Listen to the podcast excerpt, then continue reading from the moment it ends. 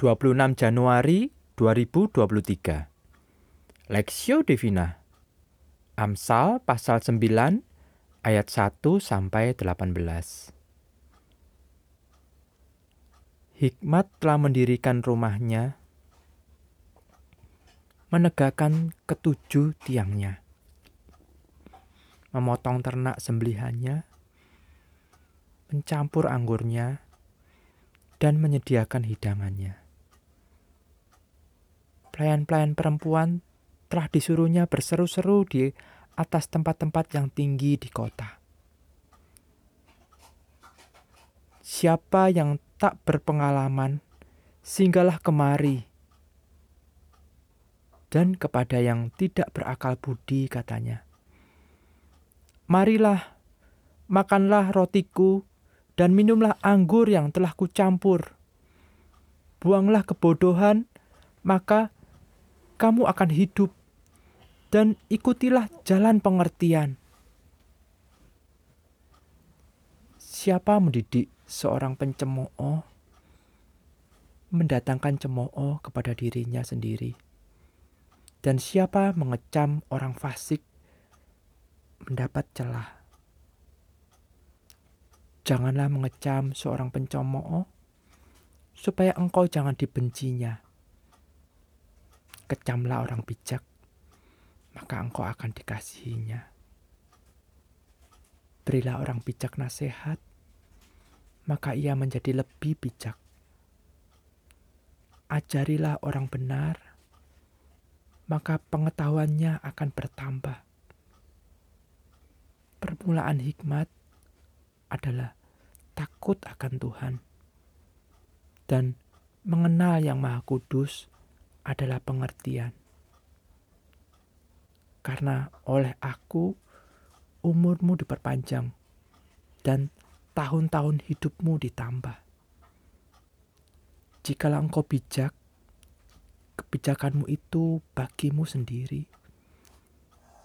Jikalau engkau mencemooh, engkau sendirilah orang yang akan menanggungnya. Perempuan bebal cerewet, sangat tak berpengalaman ia, dan tidak tahu malu.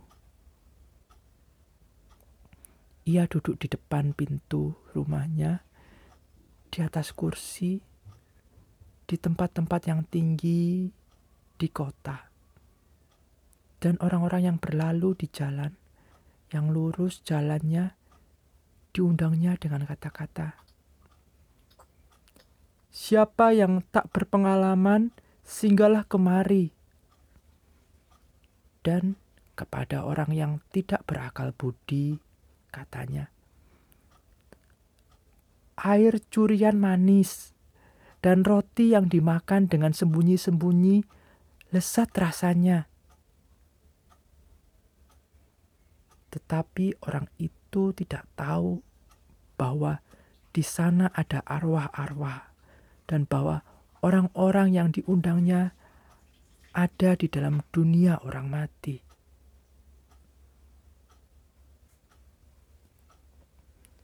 Salah memilih perspektif. Hai anakku, berpeganglah pada perkataanku dan simpanlah perintahku dalam hatimu dan berpeganglah pada perintahku dan engkau akan hidup. Simpanlah ajaranku seperti biji matamu Amsal pasal 7 ayat 1 sampai 2. Gegara gambar satu masakan di buku menu sebuah rumah makan, saya memesannya. Meski teman saya merekomendasikan menu lain, tapi saya bersikukuh. Benar saja, ternyata rasanya tak seindah gambarnya. Memilih tanpa mempertimbangkan masukan seorang kawan yang memiliki pengalaman kuliner bisa berakhir dengan kekecewaan. Lebih dari sekedar memilih makanan, ternyata dalam kehidupan ada pilihan yang harus dipilih dengan penuh hikmat karena berdampak besar bagi kita. Salomo menggambarkan hikmat dan kebodohan seumpamakan dua wanita yang sangat bertolak belakang Masing-masing menyiapkan perjamuan makan dan mengundang orang-orang untuk menikmati perjamuan bersama mereka. Wanita hikmat menyiapkan makanan dan minuman terbaik. Ayat 5 sampai 6. Bagi mereka yang menyambut undangannya. Sementara wanita bebal menyediakan makanan dari hasil curian. Ayat 17 bagi mereka yang menerima undangannya. Hikmat berlandaskan takut akan Tuhan, menuntun setiap orang memilih pengenalan yang benar akan Tuhan dan hidup yang penuh berkat. Ayat 10 sampai 11.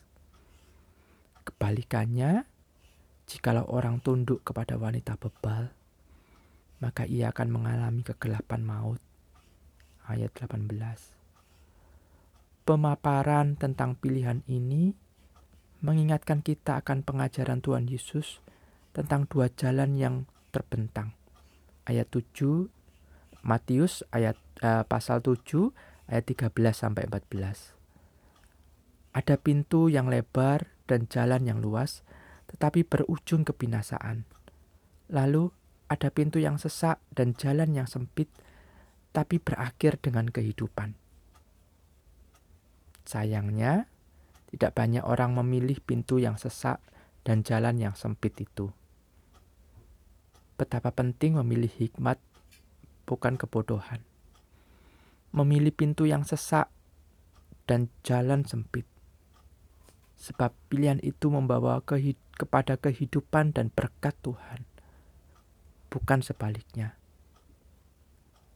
Dalam dunia saat ini, ada banyak tawaran dihidangkan di depan mata kita. Banyak jalan pintas yang tampak mudah dan menyenangkan, tetapi berujung kepada penyesalan dan kepahitan. Maka, peganglah hikmat Tuhan dan berjalanlah dalam takut akan Dia. Janganlah terbuai jalan pintas, dan hiduplah berlandaskan hikmat dan pengenalan akan Allah. Studi pribadi supaya tidak salah menentukan pilihan, apakah yang seharusnya menjadi pijakan kita dalam memilih?